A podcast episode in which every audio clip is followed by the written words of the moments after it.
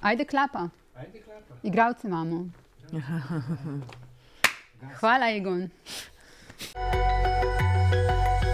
En ena podcast Suzano Lovec. Lepo zdrav, uh, poslušalci in poslušalke, gledalci in gledalke. To je še en, en ena podcast. In uh, prav lep pozdrav, uh, Katarina Stegnar, igralka, performerka, umetnica. Živijo zdravo. Hvala, da ste prišli. Z veseljem. In Vito Vajs, uh, igralec, plesalec, umetnik. Živijo. Živijo, hvala za Hvala. vabilo. Hvala, da ste prišli. Um, najprej eno vprašanje za ogrevanje, tako bolj ljudsko, kot sem rekla. Uh, kako izgleda vaš igralski vsakdan, oziroma kaj si morda gledalci in poslušalci napačno predstavljajo? Katarina. Ja, jaz sem ravno kar uh, nehala snemati uh, film Redemption v režiji Sonja Prosenc uh, in mislim, da je nepredstavljivo, če tega ne doživiš, kako je biti 12 ur na setu. Um, v Melari v Trstu, recimo na 40 vozlih, kjer te v kadru premika, uh, kako se preoblačaš v kombijih, um, ješ na cesti in uh, je vse v redu s tem. Uh -huh. uh, to je uh, film, ki v bistvu uh, ga igrate, sta protagonista z Markom Mandičem, tako, Tako. tako kot Trigradu, ne? in tudi ona je v bistvu To je ona režirala, ja. ista trojica. Tako. Okay. Vito, kaj so največje zablode uh, nas, uh, laikov? Uh, mislim, nič dramatičnega ni pri našem vsakdanu, no, razen teh vaj ali pa, ali pa snemanj ali pa vem, predstav večernih. Mislim, živimo tako kot vsi ostali ljudje. Pač, ne. mislim, imaš svoje jutranje opravke, otroke treba v šolo spraviti, iti na tržnico, v trgovino, skuhati. Če je ta čas, seveda. No. Ampak uh, tako, tako da v tem smislu nič posebnega. No. Mislim, smo ljudje, tako kot vsi drugi. No. Mogoče več večernega dela? To pa je, to pa je. Mislim, je pa urnik, no, en tak, eh, bom rekel, uh, nekaj, kar je posebnega. No. Mislim, da imamo te razdeljene urnike, dopoldanske vaje ali pa večerne vaje ali pa zvečer predstave, popoldan vmes, kdaj še kaj na kaki radio skočiš ali pa. Ali pa en ena? Ali pa je ena. Ja. Um, tako da, ja, v tem smislu no, je, pač, eh, je specifično. No. Mislim, da, ni, da ni, nimaš ustaljenih, no, v bistvu, bom rekel, urnikov in tega. Lahko pa tudi te doleti, da imaš kak teden ali pa dva popolnoma frajno. Um, oba sta nagrajeva, nagrajevana igralca. Um, Katarina Stegner, Via Negativa, Beton, LTD, uh, Gledališče Glej, Anton Podbevšek Teater, SNG Drama, EPI Center, Vax Factory, Plesni teater Ljubljana, Maska in seveda Slovensko mladinsko gledališče. Uh, in Vito Vajs. Si Kak- nabral, kak- ne? Kakšen seznam? In Vito Vajs, SNG Nova Gorica, APT Novo mesto, SNG Drama, MGL, Glej, Via Negativa, Beton Tanc, Maska in seveda uh, Mladinsko. Um, vaše vloge, projekti, uh, na katere ste ponosni, pa tiste mogoče um, iz preteklosti ali pa od sedaj, mogoče na katere niste ponosni ali pa bi jih zdaj drugače speljali, mogoče zavrnili, kdaj razmišljate o tem? kaj ti skrbi izpostavili iz uh, teh sodelovanj, Aha. projektov? Ja, mislim, za mojo, kako ste mu reče, postavitev. Zdaj govorim o obdobju pred, eh, izpred 20 let, sta izjemno pomembna, Matjaš Pograjc, Beton Tanc in kasneje Vije Negativa z Bojanom Jeblanovcem. Uh, pač z obema režiserjama ali pa z obema skupinama, z obema kolektivoma sem sodelovala v bistvu skoraj celo svojo kariero z, z prekinitvami, z nekaterimi prekinitvami, ampak recimo za me je bilo bistveno. Uh, pri uh, v sodelovanju s Pograjcem so bile mednarodne koprodukcije, Mhm. recimo z nizozemsko skupino Jung Hollandija, ker smo v bistvu takrat videli, da obstajajo sploh v Beneluxu uh, igralski kolektivi in da obstajajo formati, v katerih igralci delajo sami. In je bilo to recimo zelo pomembno za moj kasnejši razvoj, ker smo potem uh, ustanovili spin-off skupino Beton LTD.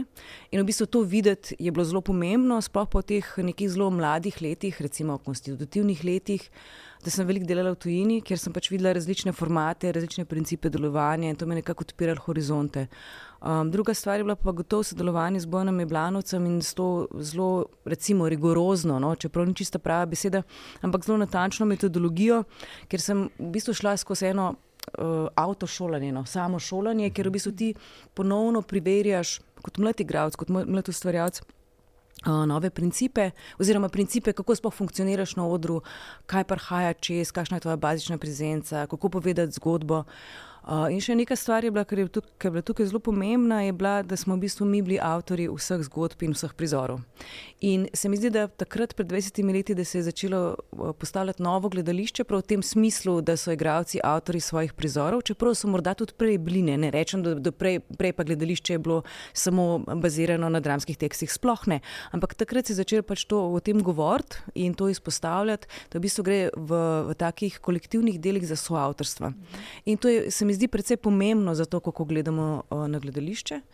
Zdaj, uh, potem smo kasneje ustanovili svojo skupino, uh, Branko Jordan, Primož Bezek in jaz, uh, ki je pač delovala deset let. Uh, in zdaj, po mojih izkušnjah, nekako se mi zdi, da se te tako, zelo intenzivni ustvarjalni odnosi, da se v nekako desetih letih spraznejo, potem pa rabiš neko pauzo in potem lahko še enkrat nadaljuješ.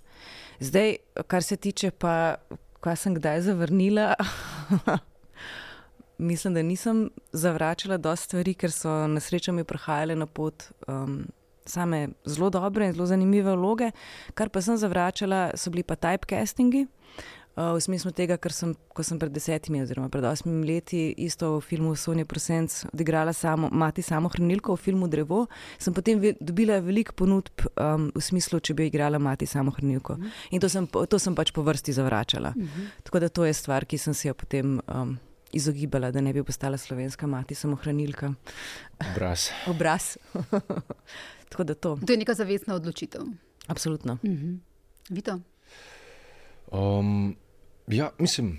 Uh, Jaz tudi moram reči, da, v bistvu, da me že na akademiji, no, se mi zdi, da je bilo ful pomembno. Uh, to je bila v bistvu moja mentora uh, Rifle, danes Hočevar, pa Tom Janežič. In v bistvu je bil on tudi eden od ključnih no, ljudi, ki so mi že na akademiji, se mi zdi, eno, eno, rekel, eno, eno videnje teatra zelo široko odprli, s čemer pač ti prideš, seveda, kot mulj na, na akademijo, uh, pa si predstavljaš, kako bi naj to potekalo, pa kje se pol vidiš čez nekaj let, se to tako je na glavo obrnjeno že tle.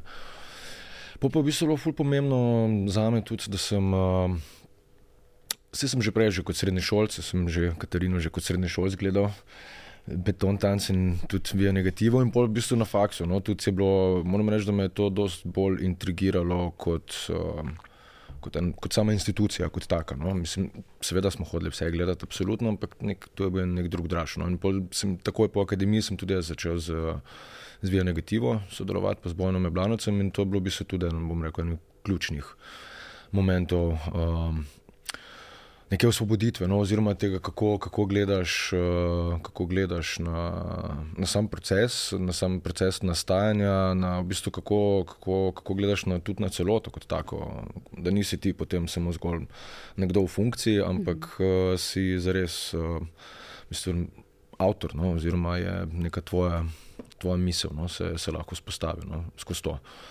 Tako da to je bilo ful pomembno, no, se mi zdi, tudi pol za, za nadaljne delo in potem sem imel tudi, bom rekel, srečo še, da sem lahko pri ta zadnji predstavi Beton Tanca tudi sodeloval. In uh, ja, potem pa se mi zdi, da pride eno obdobje, no, ko mogoče z nekom več sodeluješ ali pa manj, ali pa in tudi tud, tud se mi zdi, da se zgodijo, se zgodijo neke stvari v nekem gledališkem, igralskem razvoju, no, pač, če tako rečemo temu. Tako da potem je bila tudi ena ta odločitev, da smo z Urašem Kavrinom uh, v bistvu začela delati na herojih, uh, eh, vse tudi Katarina je del tega kot dramaturginja. Vidimo še k temu. Ja. Ja, uh, in recimo zadnje leta tudi je zelo, zelo pomembno recimo, sodelovanje z Žigo, uh, Divjakom. Pač mm. Zdaj v bistvu že zdaj pet let zaporedoma, praktično vsako leto eno predstavo so skupaj naredila. Um, tako da tu se mi zdi, da pride eno obdobje in seveda tudi sem eno obdobje z, še predtem z Matjažem Pograjcem.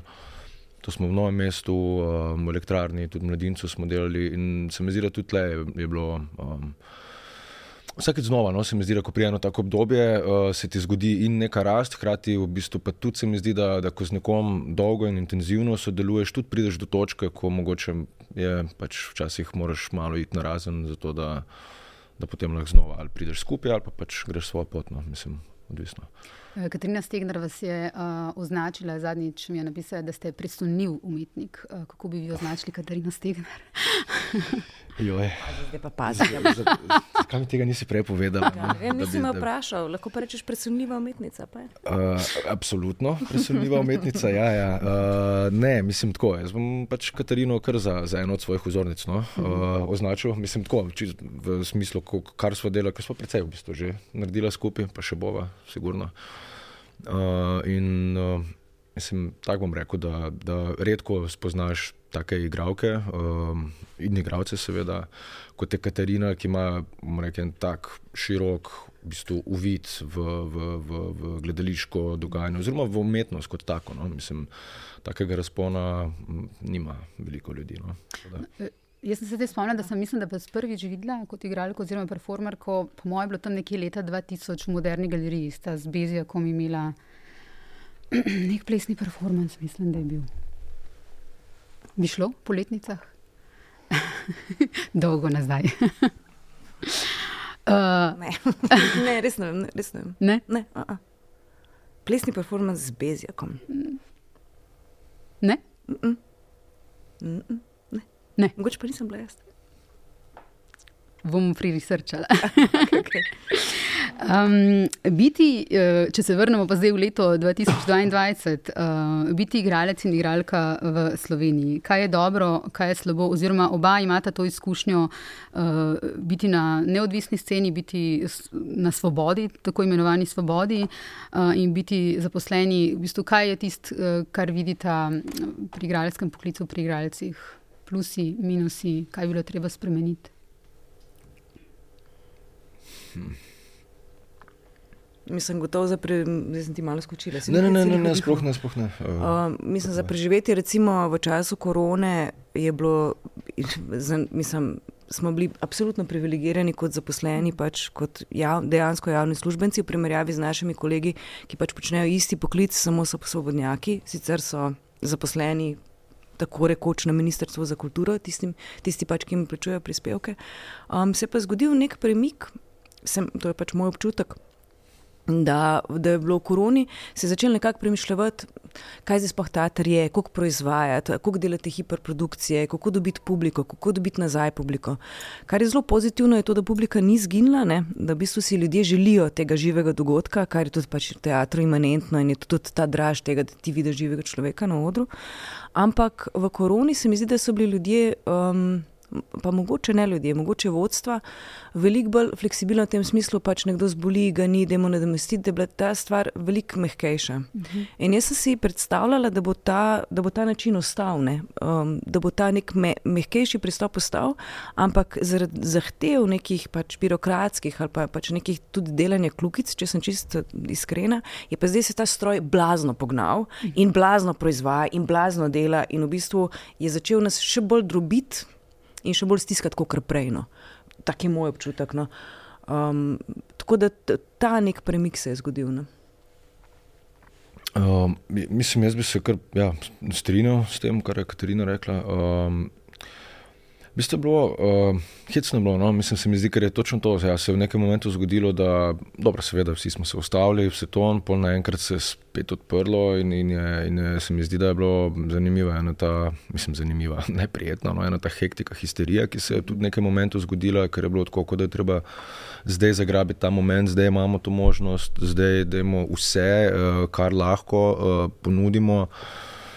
In, uh, in je bilo blazno to utrujajoče, v bistvu. Dosti bolj kot prej, pa, si, pa smo bili, ne vem, pa si predtem bil deset let, recimo jaz, ti še več v enem pogonu, konstantnem, neprekinjenem pogonu in pol vidiš v bistvu, ali, kaj je bilo, ali je bilo prej bolj narobe to, da, ali, ali je to zdaj bolj narobe, mislim, da kar smo v bistvu prej zdržali, zdaj pa je pač kar naenkrat to postalo um, dosti bolj obremenjujoče, no, se mi zdi v, v tem smislu. Um, zdaj, Kako bi zdaj jaz pogledal na, na neko pozicijo igralcev v Sloveniji leta 2020?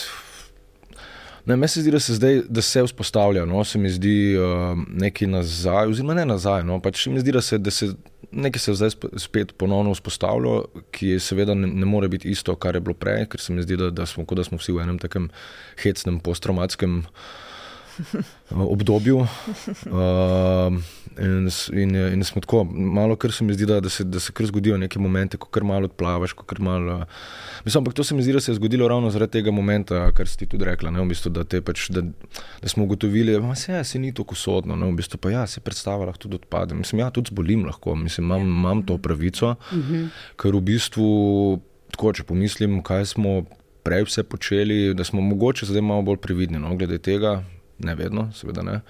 Zato, ker nikoli nočeš, seveda, da bi predstava odpadla, vedno hočeš uh, iti na to snemanje ali pa karkoli imaš speljati. In, ja, in smo bili pač navajeni tudi z 38, 39 vročine, se načokati z lekadolje, pa, pa iti oddelati svojo stvar. Vzeti si v bistvu pravico, da si bolan. Ne? Zato, ker ta stroj te v bistvu to sil, da si vedno 100% pripravljen, vedno si tam. Ne? In to, pač reči ja. reč v bistvu ne morem. No? -huh.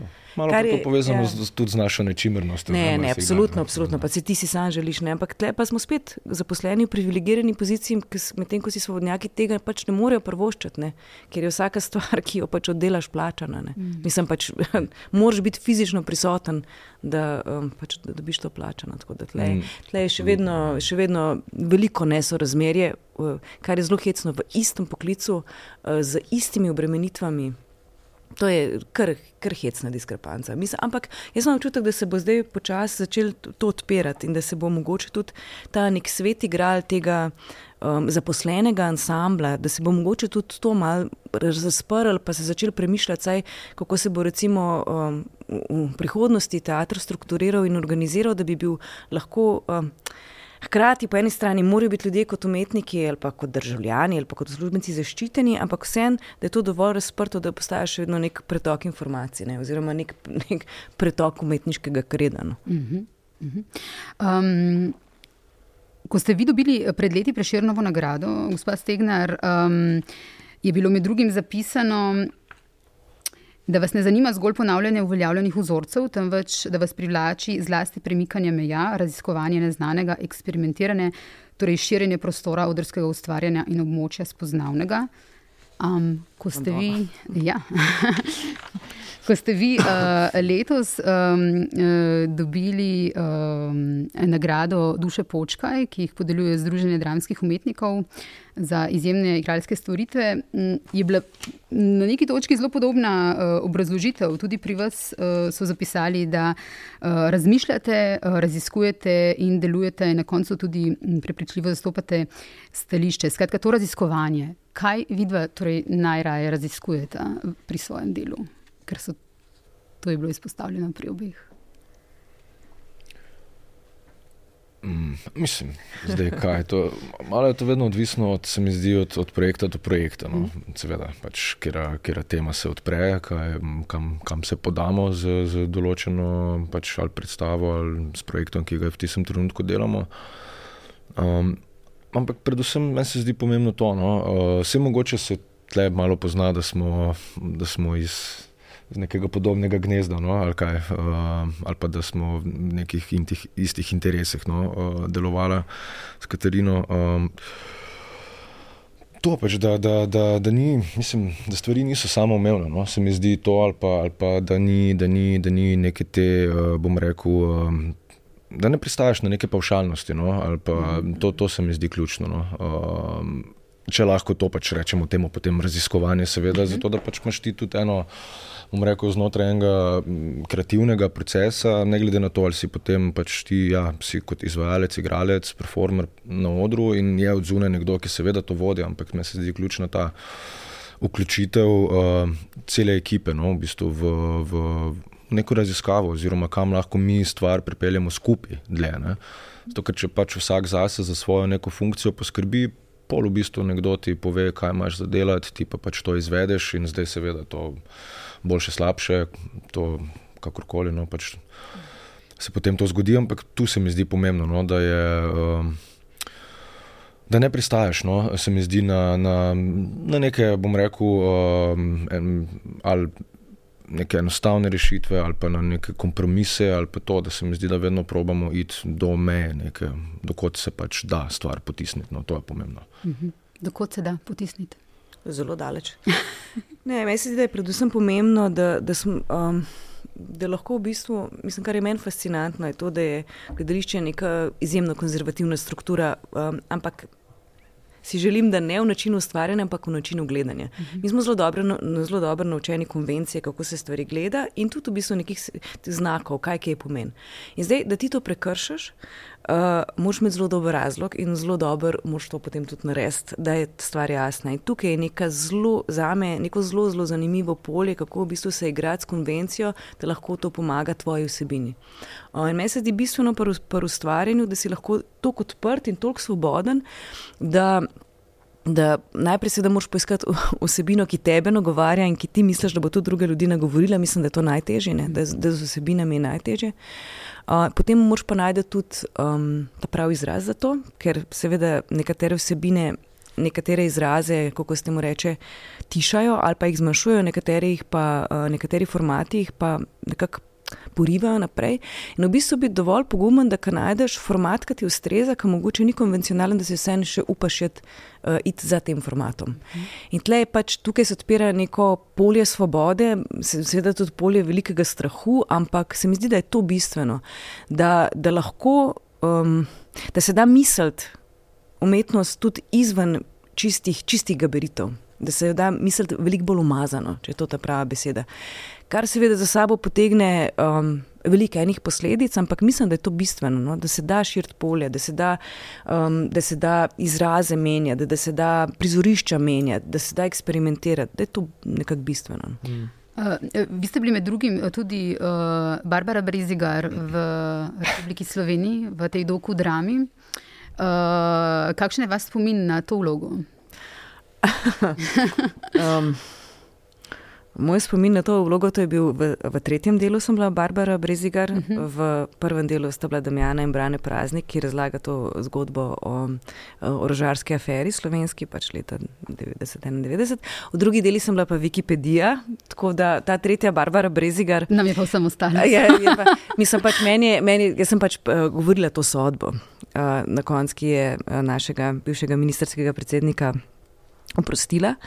Uh, in moram reči, da je to bilo pač nekaj uh, izjemno lepega. In um, tudi cela ta scena, no, kako se v bistvu vozimo s tem ja, avtomobilom, ja, tam gor pa dol v unom parkirišču, kako pojemo. Nek tak v bistvu tak uh, ekspoze tega veselja. No.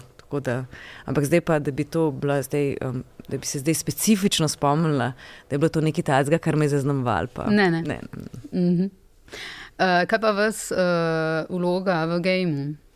Uh, obstaja ta ikonična fotografija ne, iz uh, predstave, kjer vi um, ste v spodnjih hlačah, slečeni v bistvu do golega telesa, um, z razprtimi rokami. Uh, game je pač za tiste, ki ne vejo, um, igra, um, ki jo igrajo, oziroma ne igrajo, jo morajo igrati begunci, ki hočejo do Evropske unije in je v bistvu ta poskus, kako priti do Evropske unije in um, dobro se zavedajo tam uh, na pragu, na mejah Evrope, torej uh, v Bosni. Um, Da jih ta game lahko stane življenja, in se vedno znova vračajo, uh, poskušajo. Um, uh, te, uh, ko smo imeli pogovor z um, Žigo Divjakom pred mislim, letom in pol mm, je on v tej predstavi eh, za poglobljeno, za rubriko Poglobljeno rekel, da predstava, vprašala ga je novinarka Lea Udovč. Um, Gre za dokumentirano predstavo, dokumentarno predstavo, a je v njej čisto vse po resničnih dogodkih. In je Divijak odgovoril, da predstava temelji na poročilih nevladnih organizacij, ki so veliki kladoši in bihaču intervjuvali ljudi, ki so v Sloveniji poskušali zaprositi za azil, je bila njihova prošnja preslišana. Pri ustvarjanju predstave ni bilo potrebe po gledališkem pretiravanju in potencirano dramatičnosti, saj so dogodki že sami po sebi dovolj dramatični in grozljivi. Skratka, resnični dogodki, resnični ljudje. Uh, ali je v, v tem trenutku ali v tej predstavi um, uh, pač šla umetnost dlje od tega, kar so naredili novinari uh, in nevladne organizacije? Mnogi novinari so na to upozarjali. Um, Uh, kolega Uroš Kerl z dnevnika, recimo, še posebej uh, nevladne organizacije so pisale. To, to se je vse vedlo, pač javnost je vedela, ampak se ni zganila. A je umetnost le sposobna iti v bistvu dlje, narediti korak dlje kot uh, recimo novinarstvo? Ja, mislim, ja, do neke točke je sigurno. Uh, ampak bom rekel, da seveda nima, nima gledališče tega dosega, no, uh, čist. Uh, bom rekel, uh, dometano, koliko ljudi lahko to doseže, ampak se mi zdi, da pa kaj pa lahko ena predstava odpre, pokaže v bistvu. Uh, tu, pa, tu pa ja, mislim, da tu lahko, da, da tu je verjetno na tej točki, je, je predstava game. Uh, Uh, prehitela, bom rekel, mogoče medije no, v tem smislu, oziroma kdaj zares je v to medije prišlo ven. Um, ker v bistvu tudi so imeli tudi Evropski parlament, imajo ta poročila, uh, mislim, da so prav Are you serious ali kdo so, ne vem, uh, ali pa. Um, Ta poročila no, so se na njihovih mizah v bistvu znašla. Ja, ampak ker odnos javnosti pa je bil, da ja, kršimo mednarodne konvencije, da ja, človekove pravice. Ampak potem, ko pa človek zagleda nekega igralca, to bolj zaznamuje po vajnem mnenju ali pa prizadene ali pa kako ne rečem, se dotakne. Uh, ko vidijo to odigrati igralca, kot pa ko berejo zapisano besedo uh, novinarja o isti stvari, o, o resničnem človeku. Imate umetnost več potencijala kot pero novinarsko? Vem, tukaj jaz lahko odgovorim samo z uh, povratno žogca. Obstaja predstava, ki je vas politično aktivirala ali pa spremenila. Obstaja članek, ki je vas um, politično spremenil ali pa um, ali pa aktiviral. Ne? Ker uh, mi, mi se pač trudimo, vemo, kateri so naši naslovniki, ampak men, za me osebno je vedno vprašanje, ali je to funkcija umetnosti. Uh -huh. Ali je ta. Prav to, če je funkcija umetnosti. In gotovo, ko prideš v stik z umetnostjo, kar lahko ta umetnost te nauči, kar je zdaj zelo neumna beseda. Ne? Ampak kar ti lahko da, ti lahko da drugačen pogled in ti lahko da v bistvu neko možnost, da začneš na stvari gledati drugače. Uh, kar je že zelo velik, ne? nek mm. premik v, v razmišljanju. Uh, zdaj pa, če te pa ta umetnost lahko bolj ali manj, mogoče dobro, da nimamo teh vatlov, s katerimi to merimo, ne? ampak sam, zelo pomembno pa da je. Ne, če pa zdaj pa rečemo, da bi bilo pa, da pa, da pa rajši ne, da raj dajmo pisati članke, kot delati predstave o teh stvarih, se mi zdi pa, da je absolutno pomembno, da cela struktura, da, da cela obveščevalna struktura, če lahko temu tako rečem, da se začne ukvarjati s perečimi temami, ker potem to dviguje neko raven zavesti v družbi, dviguje neko temperaturo. Mislim, če ti na vsakem koraku slišiš za te stvari, to more na te vplivati. Mhm. Zdaj pa, če se usedeš v temo, pa gledaš neki dve uri, pa da boš prišel ven, pa boš šel na barikado. Ne vem. Ne, vem. ne verjetno ne. Mislim pa tudi, moramo se zavedati, da, da večinoma, večinoma pridejo ljudje, ki jih to tudi zanima. No. Prepričani že pridejo. Prepričani, ja, če lahko temu rečem. Mislim, da pač pridejo to pogledati zdaj. Mislim, da je, da je Primoš to bezek uh, rekel, da bi morali v bistvu to predstaviti, da bi morali na policijski akademiji, mislim, ko se začnejo šolati, da bi morali za, za njih to igrati vsakeč. Ne, ampak, Lahko, ja, pa vas niso še poklicali nikogar? Ne, ne, ne. ne vse, mislim, da so tudi so dobili in vrh policije in državni zbor, vedno se vabila, no, tudi mm. pošlje, pa ne vem, če se je kaj dost zares so se ljudje odzvali. Ne, v bistvu bil, mislim, kar se tega pač gejma oziroma tega, te poti, no, ki, ki se tako imenuje, ne, tiče. Najbolj v bistvu bilo se mi zdi v medijih to odmevno, ko so prišli za res posnetki, ko se je v bistvu uh, nemški, ja. nemški novinar, ne, uh, bil, mislim, da se infiltriral in so te posnetki za res, to, kar v bistvu je v predstavi, ampak predstava je vseeno fikcija. Mm. Kakorkoli mi obračam, ne glede na to, da smo imeli dokumentarni material in da smo se tega tudi zelo, bomo rekli, uh, previdno lotili, v bistvu mi iz tega nismo hoteli delati za res nekega gledališča, tudi ni, ni bilo tle nekega pristopa, zdaj pa ti imaš neko vlogo za narediti, ampak je bilo res v funkciji pripovedovanja zgodb, bi smo postali glas pač teh, teh ljudi, teh anonimnih zgodb, teh stotine, stotine zgodb. V predstavi jih je dobrih 20, ne? mislim, da 24 ali 25. No.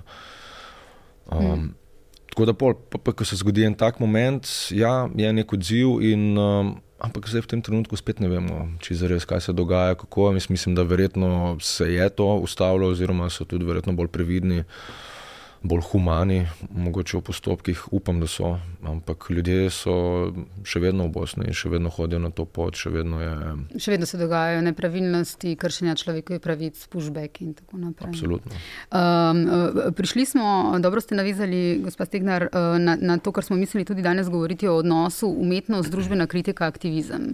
Dokje seže eno, kje se prepletajo mogoče umetnost, družbena kritika, aktivizem ali je, kje je meja če je, kako vidite eh, ta odnos vidva?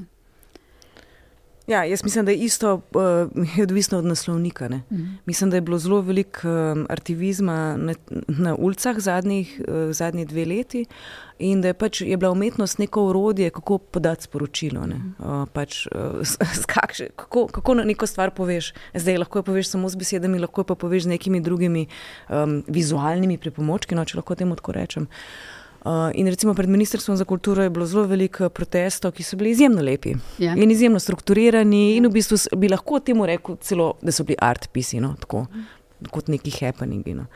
Tako da um, zdaj pa. Vi ste tudi brali uh, ustavo na Trgu Republike, takrat to so tudi ti ikonični prizori iz prejšnje vlade. Um, zakaj ste se recimo za to odločili? Zato ker se, ker se mi to zdelo v tistem momentu prava poteza. Uh -huh.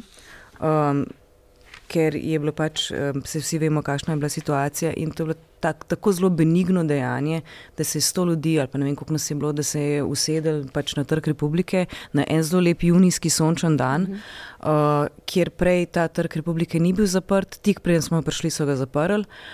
Uh, in se potem postavil ta kordon policistov, robokopov, kar je bila, um, mislim, da moja najbolj, um, kako ste mu reče, najbolj impresivna gledališka izkušnja. Um, ker to je pač teater, ne? to, kar se pač postavijo oni v vrsto in začnejo te kape, oziroma čelade, gorda in rokavice in čakaš na povelje, da pač te bodo odstranili tako ali pa drugače. Je to uh, v bistvu po vseh pravilih um, gledališke logike. Pač ja, to je čisti teater, namenjen strahovanju. Ne? In uh, jaz moram reči, da me je bilo zelo strahno. Jaz, um, Takrat, ko ste čakali, da vas odnesejo. Ja, takrat, ko sem čakala, da me odnesejo, je bilo pač zelo strah, tega, ker um, mislim. Vse po vseh teh racionalnih parametrih ti rečeš, da se mi ne bo noben več naredil. Ne?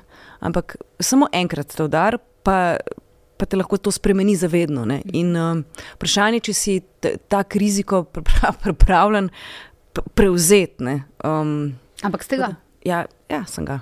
Me je bilo pa ful strah. je, pa, mislim, je pa res ne, da. da Mislim, zdaj, kako zdaj?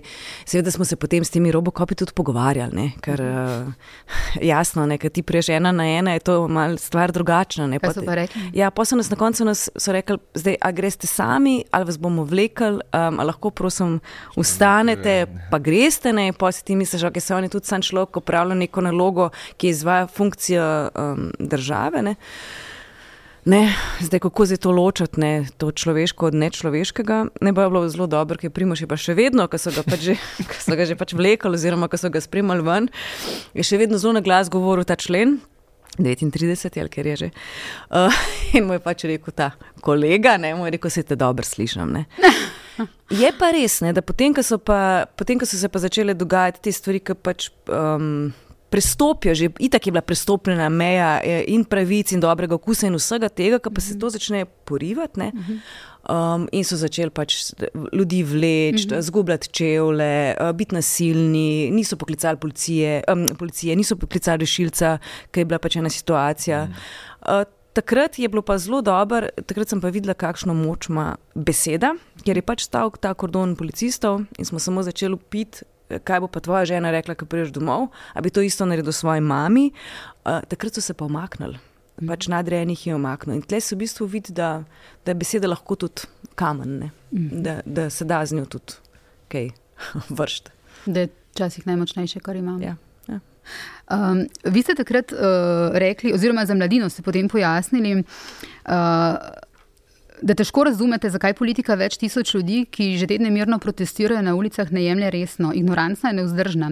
Če si politik ali ob tem ne pomisliš, da delaš nekaj močno narobe, da bi mogoče moral odstopiti. In še ena stvar je, Slovenci smo pripravljeni odpustiti. V naši politični krajini močno pogrešam, da bi enkrat nekdo rekel: Zamočil sem, napačno sem se odločil, naredili smo napako, potrudili se bomo, da jo ne bomo več ponovili. Mislim, da bi bili ljudje pripravljeni napako odpustiti, če bi nekdo nastopil na ta način, a naši politiki se vse čas pretvarjajo pretvarjajo, da niso krivi za nič. A ste kdaj razmislili, da bo treba spet iti? A kdaj razmišljate o tem, um, kdaj se vam bo zdelo, da ste spet potrebni na ulicah, oziroma na kak način? Ja, mislim, da bo, da bo kmalu treba iti uh, spet na ulico. Vprašanje je pa, če bo treba iti na ulico s kolesi, um, ker zdaj le zgleda. Ja, zdaj le zgleda to um, zelo benigno, kot je v bistvu bilo v tem času. Mislim, mi, smo, mi smo šli na ulice s kolesi. Izražati svojo državljansko voljo in mišljenje, in so nas preganjali, zato smo se vozili po ulicah s kolesi. Uh -huh. Mislim, kakšna diskrepanca tukaj obstaja. Zdaj pa v tem, zdaj v neki odprti klimi, ne, uh -huh. um, ni malo smešno, da gremo zdaj na kolesa. Mislim, če gremo na kolesa, spet samo ne vem. Je pa vprašanje, kako bo zdajšnja garnitura uh -huh. to vzela. Ali bo vzela to malo resnejše, malo neresnejše, um, kaj pomeni teh več tisoč ljudi. Uh mhm. -huh. Hočete reči, da če bojo ponovno protesti zaradi nepravilnosti recimo te vlade, ali se bo ta vlada bolj zamislila, ja. če bojo ljudje, umetniki in tako naprej na ulicah? To pa bomo počakali, pa bomo videli, kdo se bo kaj zamislil. Kaj mislite vi? Ja, jaz mislim, da zagotovo bo ta vlada, bom rekel, um, bolj.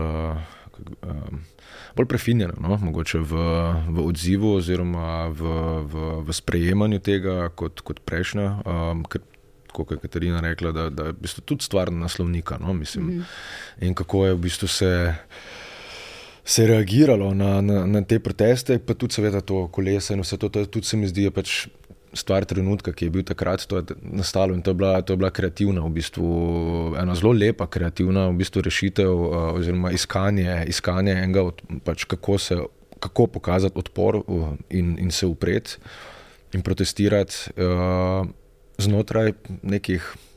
Znotraj neke sive cone, no, kjer v bistvu, so jo pač oblastniki sami ne vzpostavili. Um, tako da jaz mislim, da, isto, ja, da zdaj bi to je takrat, se mi zdi, vzniknilo, nastalo in, je, in, je, in se mi zdi, da je ta zgodba kot taka, torej kolesarjev, uh, je mogoče zaključena, ampak sam duh pa ne. No, v bistvu, sej, mislim, da je to bolj pomembno. No, duh pač, kritičnosti, da, duh preizpraševanja oblasti. Uh...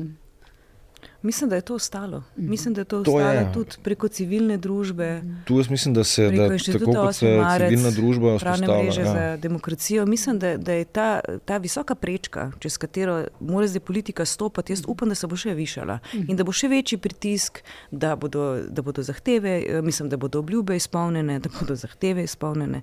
Da pač, mislim, oni so v naši službi dejansko, ne mi v njihovi. Um, Vi ste večkrat, ne, že recimo na, po nagrado Preširnega sklada, ste šli uh, s Črno Avbo. Uh, potem ste v preteklosti v znaku upora proti dojemanju umetnikov kot zajedavcev državnega proračuna, ne, kot se umetnike veliko krat vidi v naši družbi, uh, delili uh, Davidove zvezde z napisom Artist.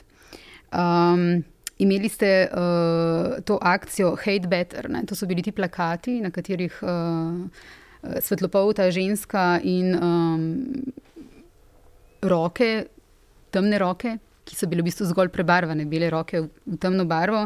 In je bilo nenavadno, ker se je najprej sprožil nek, nek, neko nerazumevanje, kjer se je najprej videlo v tem rasizem, na kar so v bistvu vsi govorili, da gre za protirasistično akcijo. Dejansko je šlo za. Eh, plakatno akcijo, ki je bila del uh, festivala Performance.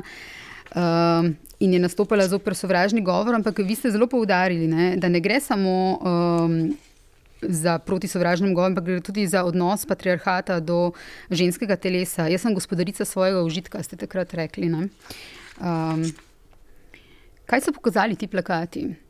Tako ste rekli, eh, regulacija ženske seksualnosti leži v jedru vseh patriarhalnih politik, neodvisno od tega, ali se pogovarjamo o nošni burk, prepovedi splava ali demonizaciji ženskega užitka. To se mora končati zdaj, ne pomeni ne, ne bom dovolila, da bi moje telo izrabljali za kakršno koli politično agendo. Eh, kakšno povratno informacijo so vam ti plakati takrat dali?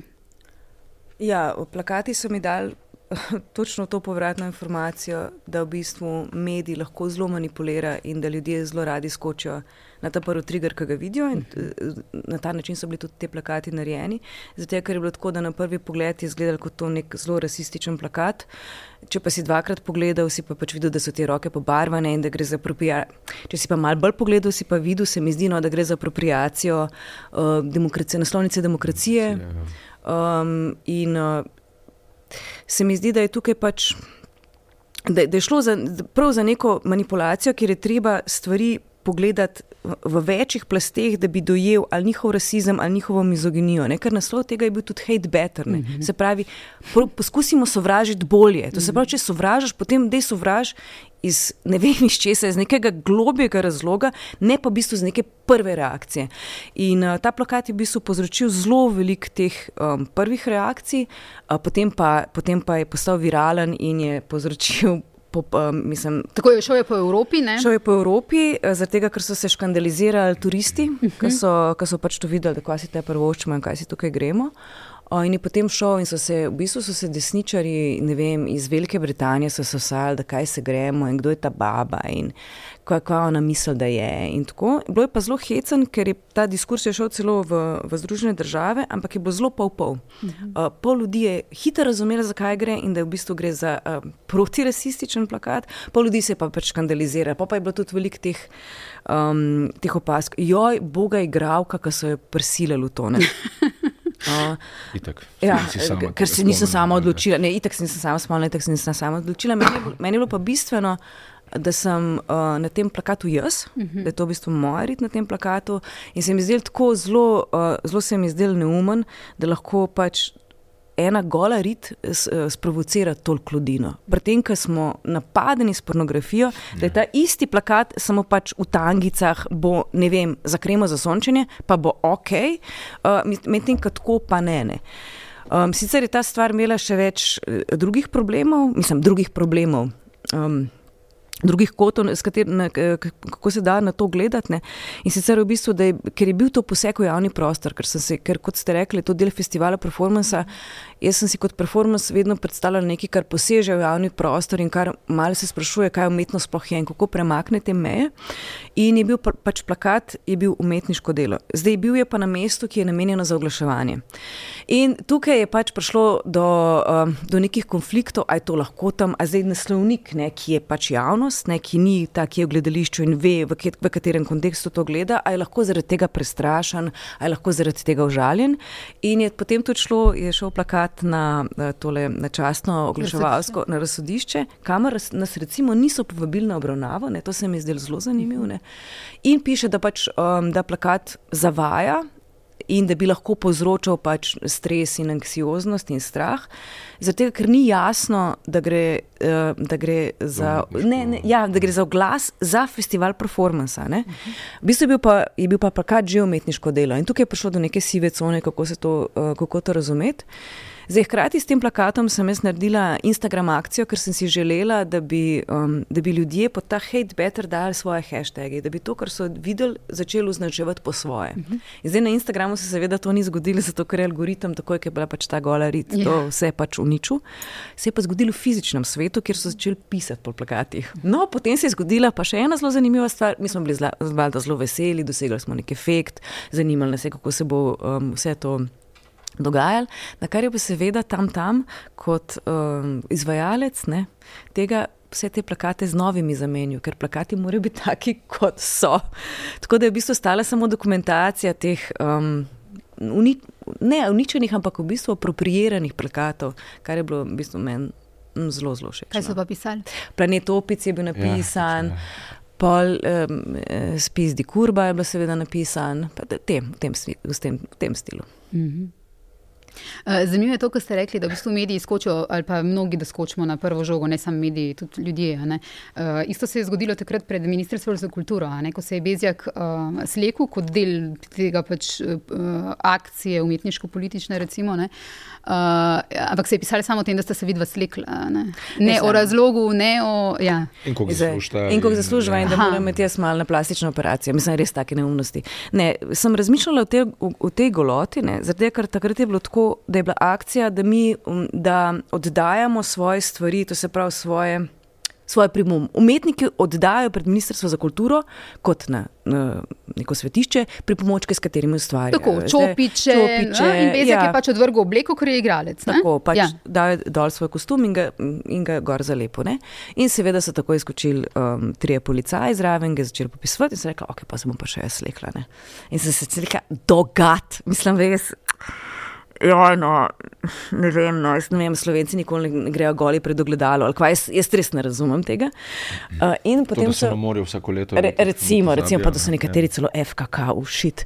No, uh, tudi rekli ste, ne, sej, uh, dnevno vidimo razgaljene uh, manekenke v spodnjem perilu. Uh, tega, ja. to, to nikogar ne zmoti. Ja, ker, ker v bistvu ne gre, danes sem razmišljala o tem, prav, ne gre za golo telo, uh mhm. -huh.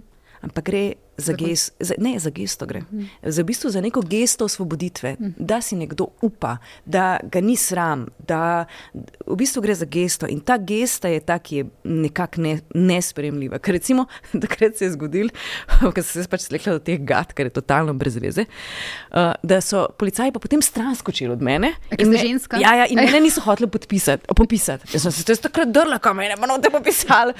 Ja, jaz sem bila užaljena. Zakaj mene niso popisali? Tako da to je, to je kar hecano. Gesta osvoboditve, skratka, znotraj nekega koda, kjer se pač ljudje ne slečemo, razen če smo mišljeni za na Instagram in lepo. V... Ja, ja. ja. Okay. mislim, se, pogledajte, gesta osvoboditve zdaj v Iranu. Uh mhm. -huh. Pa gre recimo samo za hijab, uh -huh. gre mhm. samo za neko pokrivanje. Ne, to in to je res, kar ste prej rekli, ne, da v bistvu ta konzervativna politika. Pa v bistvu politika zatiranja se vedno začne na ženskem telesu. Kaj zdaj ženske smemo, kako se, kako se čemo oblačiti, potem ne vem, problem, eh, da kako so punce lahko oblečene v osnovni Šole. šoli, ja, da ne bodo zavajale mladih fantov. To, no, grozljivo, to, je, ja. to, je, to je grozljivo in to pa, pač pride od ženske, ne, ki namaz, da bi šli v diskurs, kaj to pomeni, raj te neke šortkate jemljemo. Ne? Ampak eh, to je v svetu, kjer v bistvu ne zmoti izjava učiteljice oziroma ravnateljice, ki je o mladih puncah govorila na ta način, zmoti pa plakat vaše nageriti. Ja. Ki je umetniška akcija, ja. ker je na plakatu, ki je namenjen oglaševanju. Ja, ja, ja, ja. ja, to je zdaj že ta znamenita, znamenita isto akcija pred ministrstvom s temi mizami in skrbijo. Mm. Mislim, vse gre samo za stvar enega razumevanja. V bistvu. Metafore. Metafore, in, in, ampak ja. Ne lahko se pa zgodi pač točno to, no, da v bistvu je reakcija je brutalna na nekaj takega, kar je v bistvu mm. infantilno, v končni mm. fazi, lahko rečemo naivna gesta. Ne? Mislim, nekoga, ki pač hoče nekaj povedati, hkrati pa v bistvu pristajamo na na vse možne v bistvu, uh, in diskreditacije, in poniževanja, pardon, in, in uh, postavljanja, mislim, oziroma pozicije nekih moči, ki se, ki se jih gremo. Tu pa ni debate, tu pa ni, ni stvar vprašanja, ali pa ni sporno, da, da, ja, da ena ravnateljica in to valdorske šole ne, uh, izjavi nekaj takega. V bistvu, ne. um, Vi ste bili dramaturginja v predstavi, kjer uh, vi igrate, ne, uh, oziroma v predstavah, heroj. Um, Heroj 3.0 predstava govori o prijateljstvu, bratski ljubezni, predanosti, obvezi, zavezi. Kako daleč si pripravljen iti v tem odnosu, koliko si se pripravljen podrediti, se predati, biti voden, ali pa tisti, ki vleče, ste, um, gospod Vajs, povedali za STA. Uh, kdaj smo torej v odnosih heroji, kdaj se pušči, pustimo izkoriščati drugemu, oziroma kaj je herojsko v medosebnih odnosih? Kdaj smo heroji? Uh. Vsak dan. Vsakodnevna borba je to, absolutno. Tak, mislim, da če, če nam uspe vsak dan priti skozi, si lahko vsak večer čestitamo. Ne, uh, jaz mislim, da bom rekel tako, mislim, čist v nekih medosebnih odnosih, kakorkoli, pač kar je herojsko. Jaz mislim, da vedno je herojsko to, da ti v bistvu sebe znaš potegniti nazaj. No? Mislim to, da. Da, da, da v bistvu, eh, kako bom rekel, se, oziroma sebe iz prvega plana no, potegniti. Mm tle najti eno pot z, z, z, z, in z osebo, s katero si deliš ali življenje, ali so to ali, ali otroci, ali so delavci, kakorkoli. Mislim, tu se mi zdi, da, da je ta neka prava herojskost v odnosih. No? Se mi zdi, da točno to, no? da, ja, da, v bistvu, da, da znaš uh, dati prostor. No? To se mi zdi, da je fulj pomembno. Uh, jaz mislim, da ne bi mogla boljš povedati. mislim, da. Je herojskost tudi v iskrenosti? Absolutno. Mm. Ja, ja. kar je težko, v bistvu iskrenost. No? Mislim, težko je biti zares, zares iskren, uh, že do samega sebe. No? Mislim, mm -hmm. Že tle smo mojstri tega, kako se, kako se obračati, pa se, pa se znova, v bistvu, bom rekel, na finto metati. No? Um, Kakšen je uh, pomen umetnosti pa kulture? Zdaj, to je zelo uh, široko vprašanje, ampak verjetno ga znate odgovoriti tudi uh, na kratko. Uh, pomen umetnosti in kulture za vas osebno in za družbo? Jaz mislim, da je pač umetnost emocionalna filozofija in da na ta način približa neke teme, lahko širši, da te teme postane dostopnejše. In da v bistvu, če imaš, um, če imaš dobro kulturo, dobro umetnost, dejansko je moj občutek, da lahko dvigneš neko temperaturo celotnemu narodu, čeprav jaz sovražim to besedo, eh, celotnim prebivalcem, recimo, določene regije. Dajmo reči, tako govoriti. Pač nekih, to se pravi, kam lahko odzven te kulture o, grene. Tako da jaz mislim, da, je, da brez tega nas ni, no. zelo, pre, zelo preprosto. Če to vse ukinemo, mislim, da, da zginemo, tako le puf, pa nas ni. Kaj pa odnos družbe in države, recimo do umetnikov? Nekaj smo že omenili. Pogosto se je govorilo, se, se uh, načrtno v bistvu o umetnikih uh, govori kot o nekih zajdalcih, da ne delajo. Ne? To verjetno je v funkciji nečesa. Tisti, ki na ta način umetnike vidijo. Mislim, to je absolutno v funkciji tega, da, da v bistvu, um, kako bomo rekli, uh, ukalupiti neko umetnost, kot si jo pač mogoče nekdo predstavlja, ki, ki, ki ne prenese, bomo rekli, svobode, ki si jo lahko nekdo z umetnostjo vzame. Ne? uh, da zdaj pač kak. Kakšna mora biti, biti ta umetnost, ali je to samo neka lepa, institucionalizirana, dekorativna umetnost, nekaj, kar je malo za, za, pač za zraven, ne, da se malo sam zabavamo, ali je to nekaj, kar nam, kar nam nekaj vrže v obraz in nas pač postavi, mislim, nas, ali pa nas sooči z nekimi, z nekimi našimi ali predsotki, ali ne, mislim, dobiš, mislim, da dobiš nekaj v razmislek, ali pa da se ti vsaj nekaj katarzano zgodi, kakorkoli. Ne, in, In to, kako je bilo to v bistvu v preteklih, dobro, zdaj pustimo, da se je letos to že spremenilo, ampak te dve leti, to, to eno obdobje je bilo v bistvu grozljivo v tem smislu enega tega odnosa, oziroma kako sem se tudi jaz, oziroma mi kot, kot ustvarjalci, kot umetniki počutili v bistvu. Um, Kakšna spika se, se na nek način vzpostavlja uh, od, od od ljudi, ki so naj, na najvišji v bistvu oblasti. Uh, in to je namenoma, seveda je to namenoma, -huh. to je z razlogom se delalo. O problemu seksizma uh, smo nekaj že rekli. Kaj pa problem seksizma in nadlegovanja v igralskem svetu? Uh, uh, videli in slišali smo te izpovedi. Uh, je bilo po teh izpovedih narejeno dovolj, po vašem mnenju, gospod Stigner? Jaz mislim, da ne. Uh -huh. Jaz mislim, da, da te stvari bi se mogle nadaljevati da bi se, da bi se moglo zelo resno pristopiti um, k problemu spolnega eh, nadlegovanja ali pa mobbinga na, na, na delovnem mestu, pač, ali pa tudi mogoče izven delovnega mesta. Um, Zaradi tega, ker gre v bistvu za. Gre za nasilje, no, zelo preprosto. Gre za nasilje, ki se ga da ustaviti na večjih nivojih, in gotovo se ga da ustaviti s tem najtežjim nivojem, to je z neko osebno izpovedjo in pač lastnim izpostavljanjem, kar mislim, da je za žrtve oziroma za za ljudi, ki se jim to dogaja, nekaj zelo, zelo težkega, in da se pa tudi v bistvu v skupnosti to zelo dobro staviti, samo treba se o tem ozaveščati.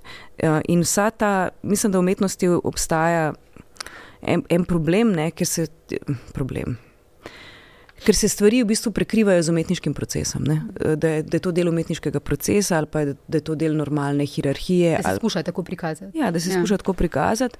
Uh, in v bistvu to nek pesek v oči, zato ker se mi zdi, da se zgodi tako nasilje.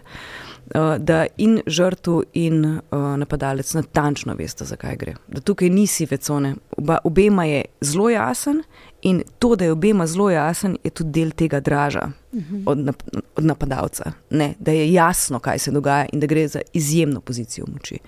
In mislim, da bi bilo treba na to pristopiti iz vseh koncev in v bistvu to iz vseh koncev tudi nasloviti. Ne. Recimo, zdaj smo imeli v mladinskem gledališču v bistvu izobraževanje iz mhm. Društva za nenasilno komunikacijo, ki je bilo izjemno. Ki je bilo izjemno. Recimo, mene so podatki presenetili, čim se zmanjša nasilje v družbi, se zmanjša nasilje v družini, se zmanjša nasilje v šolah.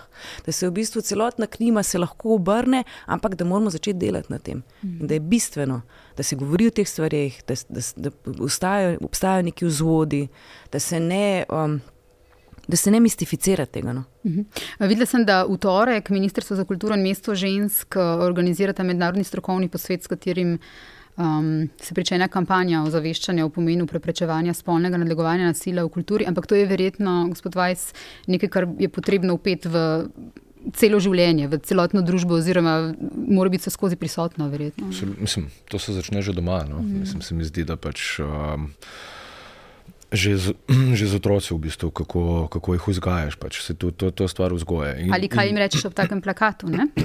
ko vprašajo, kaj to je. Absolutno, tudi to mislim, in, in to je stvar ja, vzgoje, potem kasneje pa seveda celotne družbe. In, in to, to ni samo stvar nekega momentu, zato ker ko nekaj eskalira, aha, takrat moramo na to opozoriti. Pač to, to, je, to, je, to je konstantno delo, ker tega ne bo zmanjkalo. V bistvu, mm. mislim, to, se bo, to se bo skozi dogajalo. Ampak lahko pa dosežemo točko, da, da, da to zminimaliziramo, kot se to le da. Zato ker pač to je to je absolutno težava. Sploh pa v bistvu je, ja, mislim, zdaj. Bili so te primeri, ko so, ko, ko, ko, so zdaj, uh, kako se bomo rekli, in igralski ali pa umetniški svet je bil uh, izpostavljen v, v teh par primerih tega, tega nasilja, izkoriščanja. Uh, ampak to se dogaja vse posod. Ja. To je vse posod prisotno. Mm. In mislim, tudi ko se pogovarjaš z ljudmi, ki niso iz, iz naših poklicev in to, te, te igre moči, nadlegovanja, ja, mobbingi, mislim, uh, spolnih predatorjev, mislim, to, to je na vsakem koraku družbe v bistvu prisotno. No. Včeraj je bil en zelo dober primer, ko smo bili, imeli smo ta zaključni, eh, zaključni uh, parti, ko smo končali snemanje filma in smo bili pač v enem baru in z mano je bila tudi moja hčerka. In um, greva na strnišče, brez veze, in greva nazaj, in meni uh, pač nekdo za šankom, en mladi gospod, mi reče: Oživijo. In jaz mu rečem: Adijo. In greva mi dve naprej. In moče je čist presenečen, da kaj, kaj je on naredil, da, je to, da sem rabila z njo en pogovor, da pač je želel komunicirati, da je mu rekla ne, in da problem nastopi, ko ne ni slišan. Mm -hmm. Zdaj, bom, ne bom, ni prav, da, da, da vso medčloveško interakcijo uničimo, ampak ko nekdo ne reče ne, takrat je pač mora biti konc. In problem se v bistvu tukaj začne. Ne? Tako da um, ni tako zelo kompliciran, se mi zdi. V bistvu sploh ni. Ne, v bistvu sploh ni kompliciran. Ne. Sem pač še treba, mislim, vsi skupaj se moramo to naučiti, pa seveda potem je odgovornost, da učimo ljudi, ki jih imamo za sabo, kako se ta prostor vzeti in da je to tvoja pravica, absolutna mhm. pravica. In da to učimo že otroke, kot ste rekli. Ja. Ja. Um, če se vrnemo malo bolj na te mehke, te, mehke teme, uh, kako pomembno orodje uh, je za vas um, pri vašem delu uh, telo, obraz, glas. Uh, brala sem pri Trigradu, pri uh, nanizanki, um, ste vi rekli. Uh, mislim, da ste v bistvu na inti, intuitiven način pristopali k vlogi, da sta dva načina, kako se lahko pristopa, in da ste tukaj recimo šli na to intuicijo, uh, igranje sproti, če si malo jaz polajčno to razložim. Ja, ne, je pač, um, specifična je pač situacija nadaljevanke ali pa filma, kjer ti nimaš pač možnosti nekega. Mislim, zdaj to, to je zdaj tako, tako čez prst povedan, ampak bom vsem povedala. Ja. Ne, nimaš pač možnosti, recimo v teatru pač nekaj vadiš ne, in recimo, da na koncu vadiš neko vlogo in potem na koncu greš vsak dan, deset dni, recimo, če imaš srečo, sedem dni, imaš čas jeti skozi to vlogo in lahko v bistvu narediš nek konstrukt. Zdaj je tudi odvisno od tega, kako, kako kot igralec pristopiš. Različni igralci imamo različne pristope. Zdaj je film, nekaj pa stvari, ki pa, pa ne moreš vaditi, ne? mislim, v bistvu ni veliko vaj, ali pa tudi ni namen, da je veliko vaj, moš pa v bistvu se zelo hitro odzivati na stvari. Zato sem govorila, da je pač to intuitivno, zato ker si, post, si postavljen neko vodo in potem pač plavaš. Ne? In je zelo težko, da dosežeš nivo tega konstrukta, no, čeprav to je res malo butastno. Kako pomembno je za vas, e, če se vrnem na prvo ja. vprašanje, telo, obraz, kako. Uh, Pomemben del vas, vašega poklica je to. Zdaj, primož Bezjak, pa vi ste takrat odvrgli obleke, ampak telo je tisto, v bistvu, kar vam ostane. Ne? Mislim, ja, pač se, to je. To je osnov, osnovno urodje, v bistvu. Igravčevo osnovno urodje je telo, ki ga ima. Pač tem, to je to prva stvar, ki jo ljudje vidijo, ko, ko pridemo na oder. Torej, zdaj pa tu se mi zdi, pa, da je treba.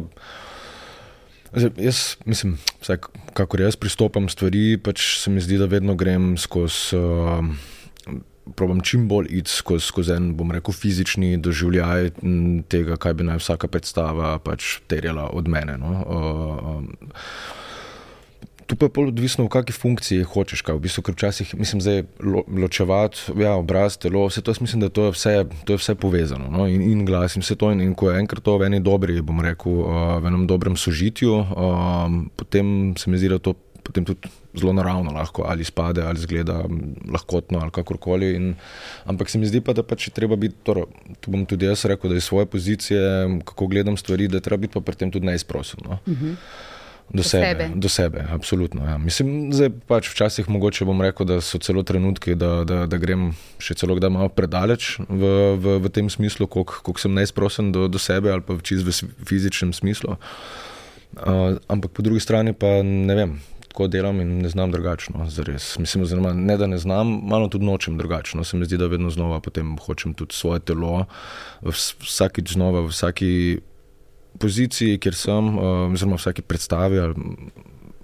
Doterati pač do neke točke, da, da, da vidim, dokot sem to lahko sploh pripeljal in, in kako mi lahko služi potem pač moje telo. V, pa, pa tudi, če je to predstava, kjer samo sedimo. Uh -huh in, in govorimo. Ampak še vedno je to eno zavedanje, ki je isto kot pa recimo predstava um, krize, kamor bomo verjetno kmalo prišli, kjer je, pač, kjer je telo zares osnova in, in ga izčrpavamo do skrajnosti. No. Mhm. no, in smo pri predstavi uh, krize. Uh, to je še ena predstava Žige Divjaka, oba igrata v, v tej predstavi. Uh, Divjak meni, da v kapitalizmu predmetimo tako človeka kot naravo ta postopoma propada, ker zaradi reševanja manjših kriz ne pridemo do večjih, ki ogrožajo obstoj človeštva. To bo v prihodnosti obstalo, če se, od, če se odrečemo individualizmu. Uh, kako se odreči individualizmu in na kak način ta predstava izčrpava? Ja, individualizmu se, po mojem, lahko odrečemo samo s povezovanjem in z ustvarjanjem skupnosti, ali so to začasne ali pa bolj dolgoseče skupnosti. In to je edino, kar nas bo v bistvu nekako kar nas bo rešil. Mm. To se pravi, da se povezujemo um, in da smo skupaj. Um, tako se borimo proti individualizmu. To pa pač pomeni neko, to, kar si prej rekel, neko prilagajanje, neko premikanje uh, meja, nek nov razmislek, dokam se da, dokam lahko gremo, dokam, um, dokam ne moramo iti. Postavljanje sebe v, v drugi plan, kot ste rekli, pri herojih. Ja, Mislim, ja, predvsem se mi zdi, da je to pomembno nek, nek čist empatični mislim, moment, no, ki ga moramo vedno znova, se mi zdi, gojiti, pa, pa, da, da se lahko borimo z nekim individualizmom, ki je tudi dobra stvar. Absolutno. Mislim, se mi zdi, da mi kot individuum, individuumi moramo biti vzpostavljeni za to, da lahko tudi, se mi zdi, kolektivno delujemo. No. Um, to se mi zdi ključno, ampak. Um, v bistvu je to, kar, kar, je, kar je Katarina rekla, ja, da, da, da kako, kako pač se uči, konstantno se učimo. Jaz mislim, da to ni, to ni stvar tega, da ti kar osvojiš, ampak to, da, v bistvu, da ti v družbi deluješ, da, da, da, da ti neko skupnost lahko gojiš in, in, ali pa neko kolektivno delo. To, to je nenehno v bistvu proces, no, se mi zdi. Um, ker smo vedno znova postavljeni v ene situacije, kjer si ki mogoče ti osebno niso najbolj, uh, bomo rekli, blizu, ali pa, ali, pa, ali pa te neki te prizadene, ali karkoli, in potem se tle učiš, kako se, kako se odzivati. Sploh, mislim, sploh se mi zdi v, v svetu gledališča, smo vsi blazno občutljivi. Um, Za novinarstvo. ja, mislim. Absolutno, valjda, ampak uh, vsi smo občutljivi. No? In, yeah. Ja. in, in, in je tudi prav, se mi zdi, da, da, to, da znamo to afirmirati, hkrati pa v bistvu moramo biti zelo, bomo rekli, previdni in pa pametni v tem, kako, kako potem handlati to z, z okolico, ne? pa z, z, z, z neko družbo, ki nas obdaja. Okay, jaz se vam najlepša uh, zahvaljujem za ta pogovor. Enako. Hvala. Eh, hvala tudi gledalcem in gledalkam, poslušalcem in poslušalkam. Eh, celoten podcast vas čaka na YouTubu, pri vseh večjih ponudnikih podcastov in seveda v članku Najnena. Hvala še enkrat. Hvala.